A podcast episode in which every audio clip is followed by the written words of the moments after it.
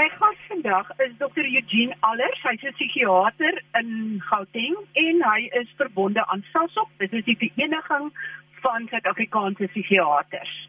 Baie welkom Dr. Allers. Goeiemôre Marie en goeiemôre julle luisteraars. Baie dankie. Vanoggend se onderwerp is heel interessant en as ek dit nou aankondig, moet asseblief nie dink dit is algemeen en dat jy elke liewe dokter met snaakse oë moet aankyk nie.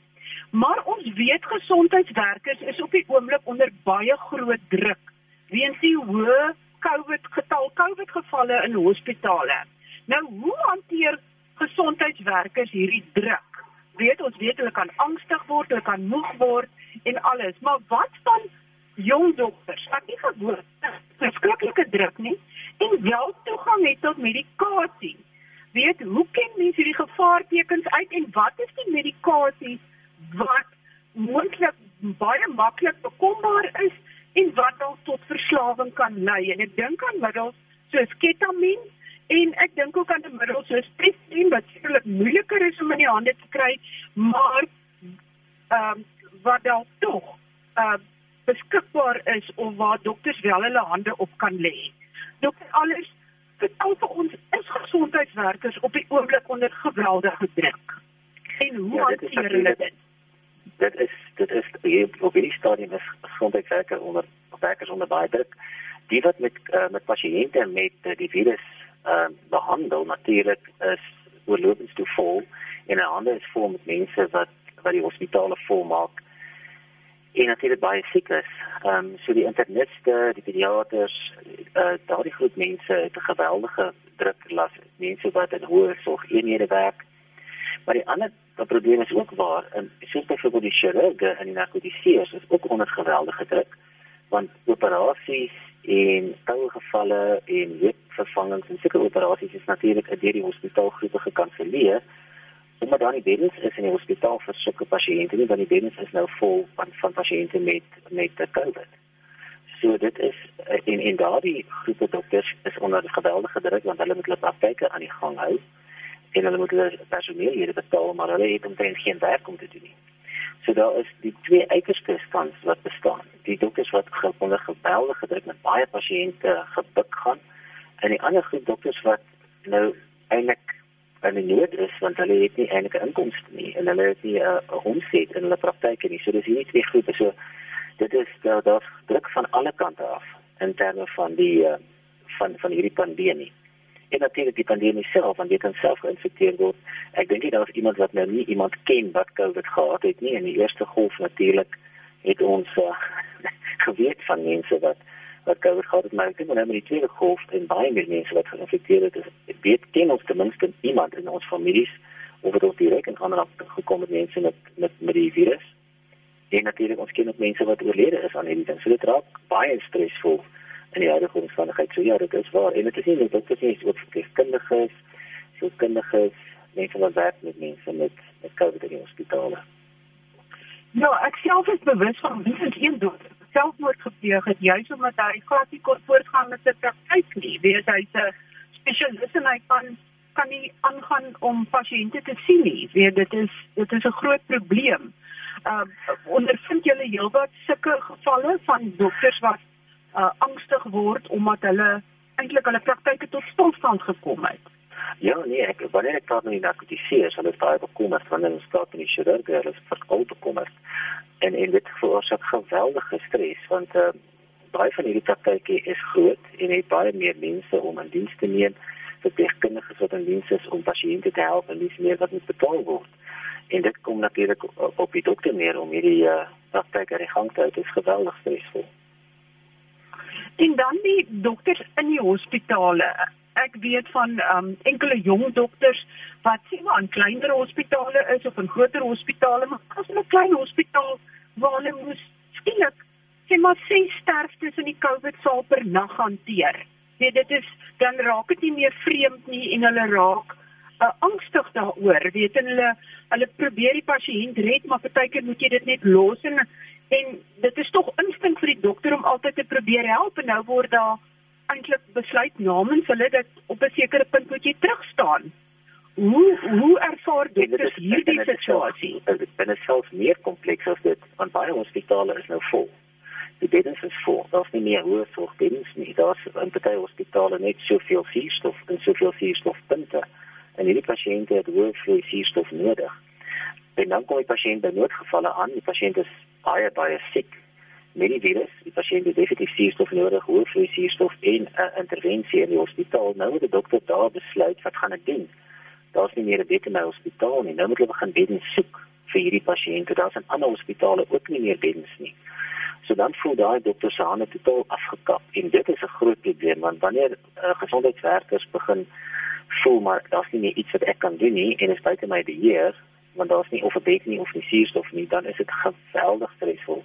En dan natuurlik as jy in die hospitaal self werk en jy moet besluit, ernstige besluite neem, wie gaan na die hoërsorgeenheid, wie gaan in die saal bly. Dit kan baie ernstige gevolge hê daai besluit. En as dan nie 'n bed is in die hoërsorg nie, wat doen dit nou?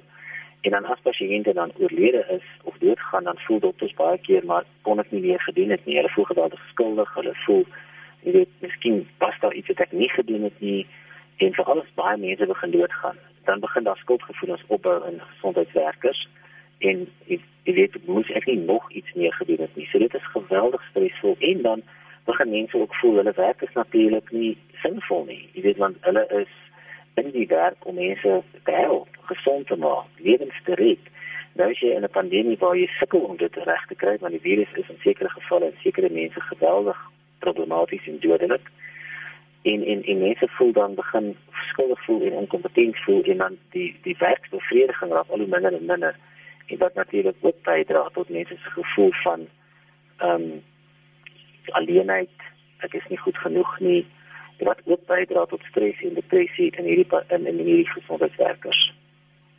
En dan wil ek net byvoeg daar's natuurlik ook die gevalle waar uh, die dokters by die hospitaal is en dan kom maar 'n pasiënt in sê maar met asma maar hulle kan hulle kan nie eintlik iets veel vir hom doen nie want hulle moet wag vir die uitslag van die COVID toets voor hulle na 'n groter beter hospitaal te oorplaas.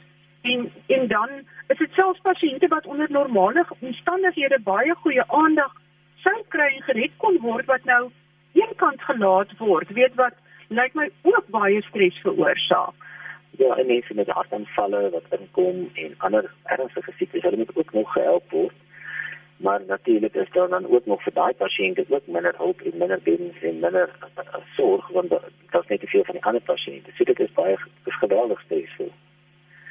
In 'n uh, in sosiale hospitale nou vol raak en baie vol raak met met pasiënte met COVID. Is dit is die infrastruktuur in die hospitale ook natuurlik nie gebou vir so geweldige druk nie. Ek het onlangs met die, met een van die uh, mense in ons hospitaal gesels oor hoe hanteer mense die suurstof in so 'n hospitaal en dit is 'n dit is 'n verskriklike logistiese probleem. So dis nie net die gesondheidswerkers wat onder druk is nie, dit is die mense wat moet sorg die die die uh, ondersteuning van van van die dokters die, in die hospitale wat moet sorg dat daar genoeg suurstof is dat die suurstof vloei genoeg is dat daar genoeg kanules is om om vir hierdie pasiënte te gebruik en in baie gevalle is van hierdie kanules nou nie beskikbaar nie maar daar's te veel aanvraag en dan moet daar ander planne gemaak word en daardie aptekers en mense wat die dinge moet voorsien is onder geweldige druk en waar kry ek hierdie toerusting? En sê ja dit is nogal dit is dit is en en en nie net gesondheidswerkers maar ook hospitaalpersoneel wat hierdie goedes moet ondersteun dat dit geweldig onder druk verkeer en voel hulle weet wat moet ek nou doen? So dit is baie moeilik. Dokter Anders en dan is natuurlik jy werk, die dokters werk in 'n omgewing waar hulle wat dan middels in medisynekaste is en waar hulle iets vir hulle self kan voorskryf. Hulle bedoel nie om raak daar aan nie. En dan 'n middel soos ketamien. Waarvoor word dit gebruik en is dit baie maklik beskikbaar? Ja, ketamien is nie 'n middel wat baie deur dokters gebruik word of misbruik word nie, maar dit is algemeen beskikbaar wanneer dit 'n narkose is dan ons gebruik dit ook natuurlik in weerstand biedende depressie in pasiënte. En ehm um, so dit is dit word ook gebruik word. Uh, op die huidige stadium in Suid-Afrika is daar nie die intraveneuse uh, of die intramuskulêre preparaat beskikbaar. En ehm um, en in dit in in baie mense kan dit of dan inspuit of dan snyf. So baie mense snyf dit of hulle meng dit met byvoorbeeld saline en dan snyf hulle dit.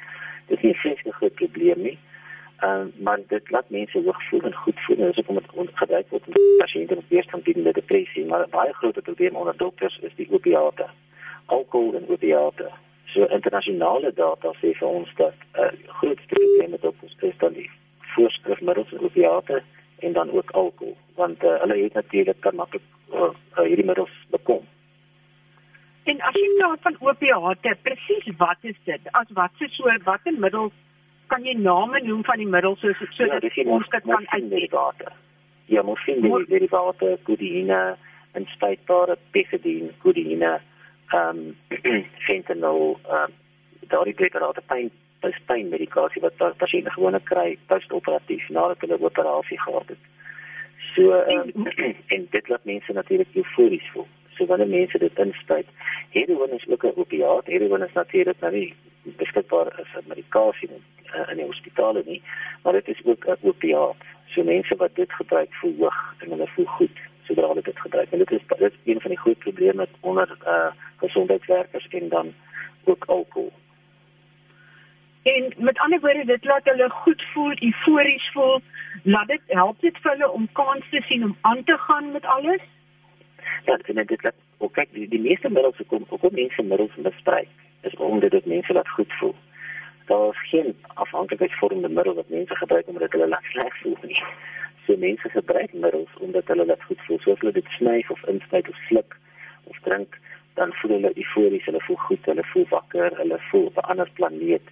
So en en dit laat mense natuurlik ehm um, dit aanhou gebruik want hulle voel goed, maar die probleem van afhanklike vormende middels en uh in hierdie afhanklike en hierdie onwettige middels in baie gevalle en ook dan die opiate is dat wat opgaan moet weer afkom.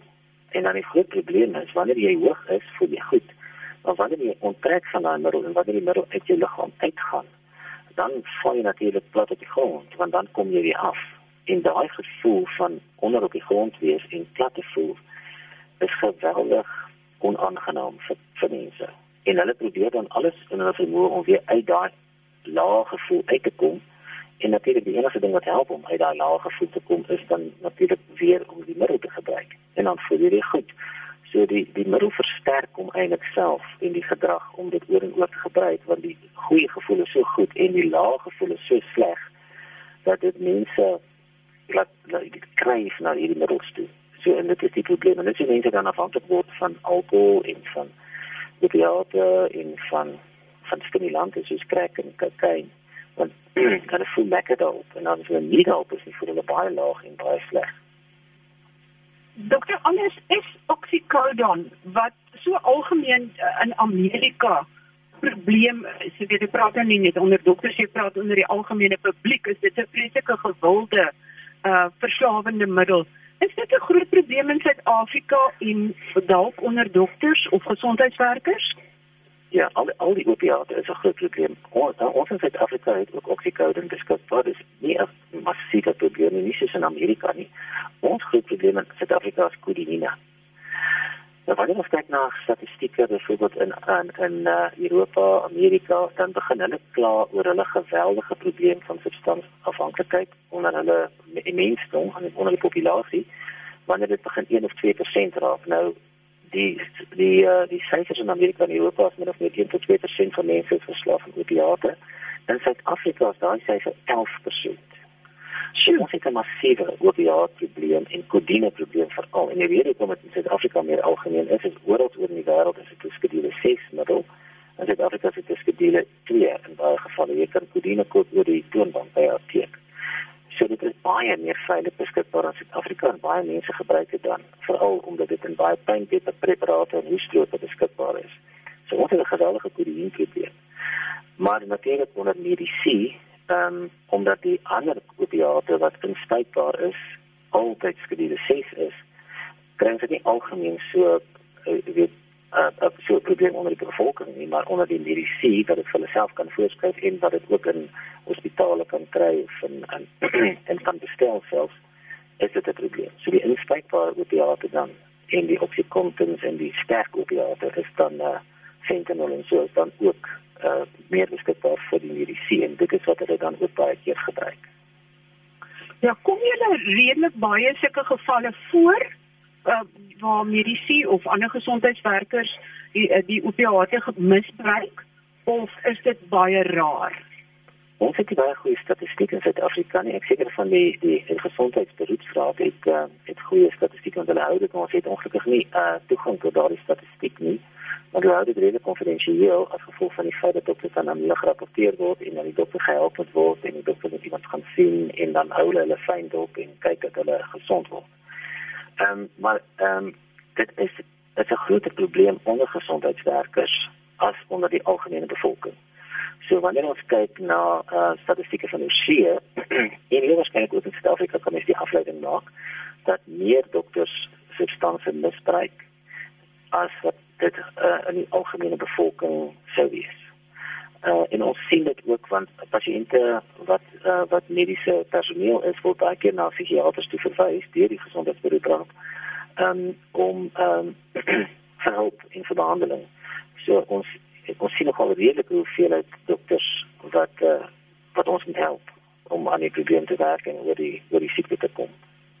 So sal so 'n dokter uh, as die uh, uh, gesondheidsberoepsraad bewus word daarvan, sal hulle so dokter skrap op is die eerste stap eers om te probeer om te rehabiliteer want ek bedoel dit het tog duisende rande gekos om die dokter op te lei en mens kan nie sommer die baba met die badwater uitgooi nie. Ja, dis goed want ons sien die substansies baie as 'n siekte. Nou dit is nogal 'n paradigma skuif en 'n 'n ander denkvermoë en 'n ander denkwyse uh, as wat in die verlede gegeld het want in die ou dae mense mos as iemand alkohol misbruik of substansie misbruik is of 'n drug addict en alkoholist en dit maar net oor dit kom en ophou die goed gebruik dit is die ou siening. Die nuwe siening is weet jy wat dit is eintlik siekte toestand en ons weet wat in die brein daarmee gebeur en hoe mense dit misbruik en hoe die brein dan gestimuleer word deur die substansie wat die persoon dan ehm um, onvermoë om die goedes net te stop en hulle het effektief mediese hulp nodig. So dit val nou onder die mediese kader en ons sien dit nou as 'n siekte toestand en hoe ons dit gaan behandel. En net soos enige ander siekte toestand as 'n dokter diabetes ontwikkel of enigiets anders moet behandel word en hierdie word ook dan eers gesien as 'n siekte wat behandel moet word. So wat die beroepsraad dan doen, hulle het 'n spesiale afdeling vir ehm um, gesondheid vir dokters wat byvoorbeeld hierdie siekte ontwikkel of substansies by ontwikkel en dan verwys hulle daardie persoon die persoon word gerapporteer gewoonlik deur sy sy kollegas wat dit is 'n verpligting van ons om so iemand te rapporteer. As jy daarvan bewus is moet jy dit rapporteer jy enige keuse nie. En dan dan kom ook hulle so 'n persoon hulle roep so 'n persoon in en dan kom dan uh, saam met die persoon ontwikkel hulle dan of besluit op 'n behandelingsprogram vir die persoon of rehabilitasie en buite pasiëntbesoeke en so voort en dan verwys die beroepsraad ook na spesifieke psigiaters toe wat uh, saam met hulle werk om hierdie pasiënte dan te behandel en dan moet daar elke maand of elke drie maande of elke ses maande 'n verslag gegee word aan die beroepsraad. So as die persoon dan werk aan die probleem, uh medikasie neem, die behandeling neem, die psigoterapie neem en dit kan teruggerapporteer word dat die persoon eintlik besig is om te rehabiliteer en nog steeds funksioneel is as 'n gesondheidswerker of 'n dokter dan gaan die persoon aan met met hulle beroep. Verleen so 'n persoon egter nie uh, in staat is om uh, gesond te word nie en die toestand dan slegter word en die vermoë om te praktiseer ingekort is, dan sal so geneesheer wat die dokter behandel moet terugrapporteer aan die gesondheidsberoepsraad, beroepsgesondheidsraad dat die persoon nie in staat is om meer die beroep te volg nie en dat ernstiger en meer ingrepe gedoen moet word om die pasiënt te help. En dan sal hulle tydelik eers so 'n persoon dan ehm uh, sy lisensie opskort en sy gaan eers nog verder verhandel maar intussen tyd kan jy dan nie praktiseer nie. Ons gaan jou oor 6 maande of 'n jaar weer evalueer en dan uh, dan gaan ons daarna kyk. Of hulle kan self sê die persoon moet onder toesig van 'n senior werk en die senior moet dan ook rapporteer terug aan die beroepsraad. Ehm um, of voel as jy nog tyd op die persoon skrap as niks van hierdie goedes werk nie en die persoon nog steeds nie die vermoë het om te praktiseer nie dan sal ook die ou en die persoon dan van die rol afval en die lisensie wegvat. Maar alles word eers probeer om die of die persoon te rehabiliteer. Gelukkig, dit is dit is hoe dit werk en baie dokters is baie skepties daaroor en baie bang net vir al die mense wat aan hierdie probleem ly dat hulle gaan gerapporteer word. Maar om die waarheid te sê, jy kan jouself ook rapporteer.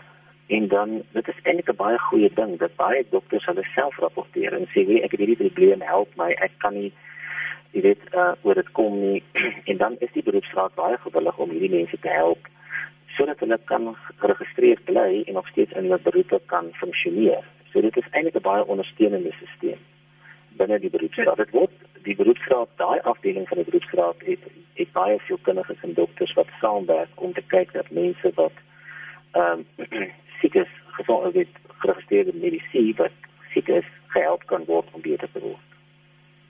Dokter Anders, hoe ken mens 'n kollega uit wat dan 'n opiaatmisbruik probleem het?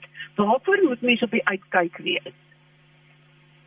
Ja, ek ek dink as dit die eten wat die mense hierdie middels baie ernstig begin gebruik, dan dan raak dit nogal baie sigbaar en en mense kan maklik mense dan erken wat wat hierdie probleem lê veral met die opiate. Met die opiate en selfs met alkohol, dan kan mens sien dat die persoon is onder die invloed by die werk, as dit alkohol is. Mens kan dit ruik, mens kan dit sien. En dan kan mens 'n bespreking wat die persoon het of mens kan ehm um, met opiate is die persoon baie keer gesedeer. Want die die opiate is mm, alhoewel mense goed voel daarop en eufories voel, is dit ook 'n sedasie. So hulle kom gesedeerd voor, hulle is stadig, hulle hulle is onder die vuur. Hulle voel goed, maar almal wat na hulle kyk kan sien se is fout. Ehm um, gewoonlik wat dan gebeur is in in in in die private sektor en in die staatssektor is 'n senior lid van die uh, van die mediese kollegas. Ehm um, word dan genader en dan bespreek dit met die persoon, een of twee of drie selfs kollegas en sê ons sien daar is 'n probleem, wat is die probleem? So dit is nogal wat gebeur of as jy in 'n hospitaal werk, sal die direkteur, die mediese direkteur of die hospitaalbestuurder of die uh, ander kollegas na die persoon toe gaan en sê hier is iets fout wat gaan aan, hier het iets gebeur. Baie keer tel mense dit op baie van die persone werk ook saam met ander kollegas en dan kan hulle sien baie van hierdie middels word gestel en hulle weet nie waar dit gaan nie. En dan het hulle sterk vermoede dat hierdie dit is altyd goed om die persoon te nader en te vra as jy 'n probleem en ons gaan dit dophou dat hulle weer dit word raak gesien. Maar dit is nie te moeilik vir vir ander medisyne te sien daar is 'n probleem nie, want die mense lyk of hulle gesedeer is of hulle onder die invloed is van iets of 'n middel. En hulle gedrag van wat dit van tevore was, het baie dramaties verander na wat dit nou is. Die ander ding wat ook gebeur is, waar dit byvoorbeeld baie netjies kon wees, is hulle skielik nie so netjies nie, waar hulle altyd op tyd was, is hulle skielik nie baie meer, as hulle baie meer afwesig en nie op tyd nie, as hulle op beroep is, dan is hulle baie keer nie kontak daar op hulle fone nie en dan kan mense nie hulle in die hande kry nie waar dit van tevore so was. So dis baie keer 'n verandering in gedrag wat baie opsigtelik is by hierdie pasiënte. Dokter Anders, wat is die suksessyfer van rehabilitasie?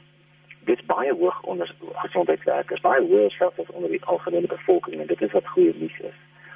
Ehm um, wanneer ons na Amerikaanse statistieke kyk, dan kyk ons na as mense wat uh, gerehabiliteer word en wat hierdie probleme het en wat behandeling ontvang, dat die sukses suksessyfer baie hoog is, tot by 80% van van pasiënte keer terug na hulle normale werk en word die toestand heeltemal onder beheer gebring.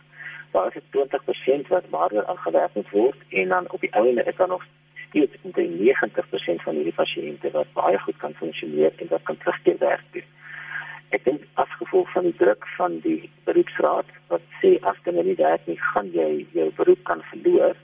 So daar is 'n baie groot aanmoediging vir die vir pasiënte om gesond te word, want anders kan dit lei tot die feit dat hulle hulle beroep sou verloor.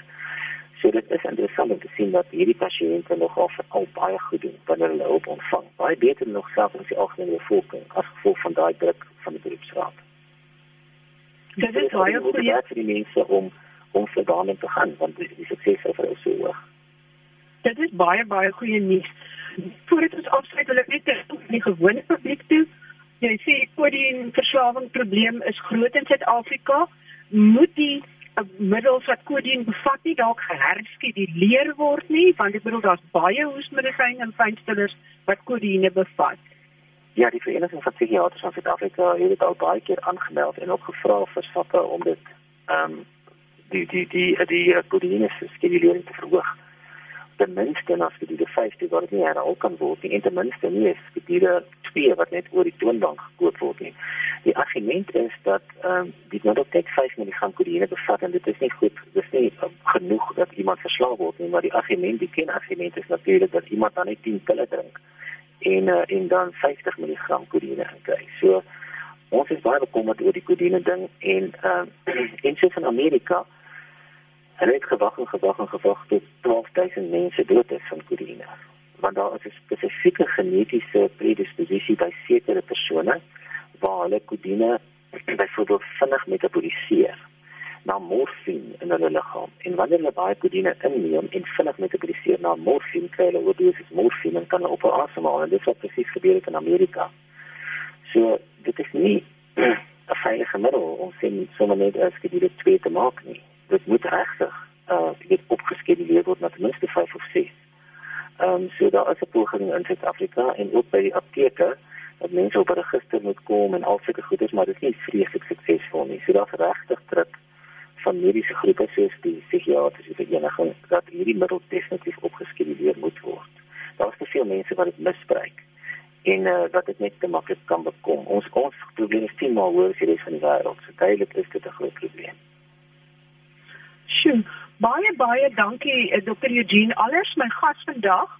Uh was of is nog steeds Dr. Eugene Allers en hy is van die Suid-Afrikaanse Vereniging vir Psigiaters. Ons sê baie dankie vir sy insigte. Skakel gesproke week weer in vir gesondheid op RSG.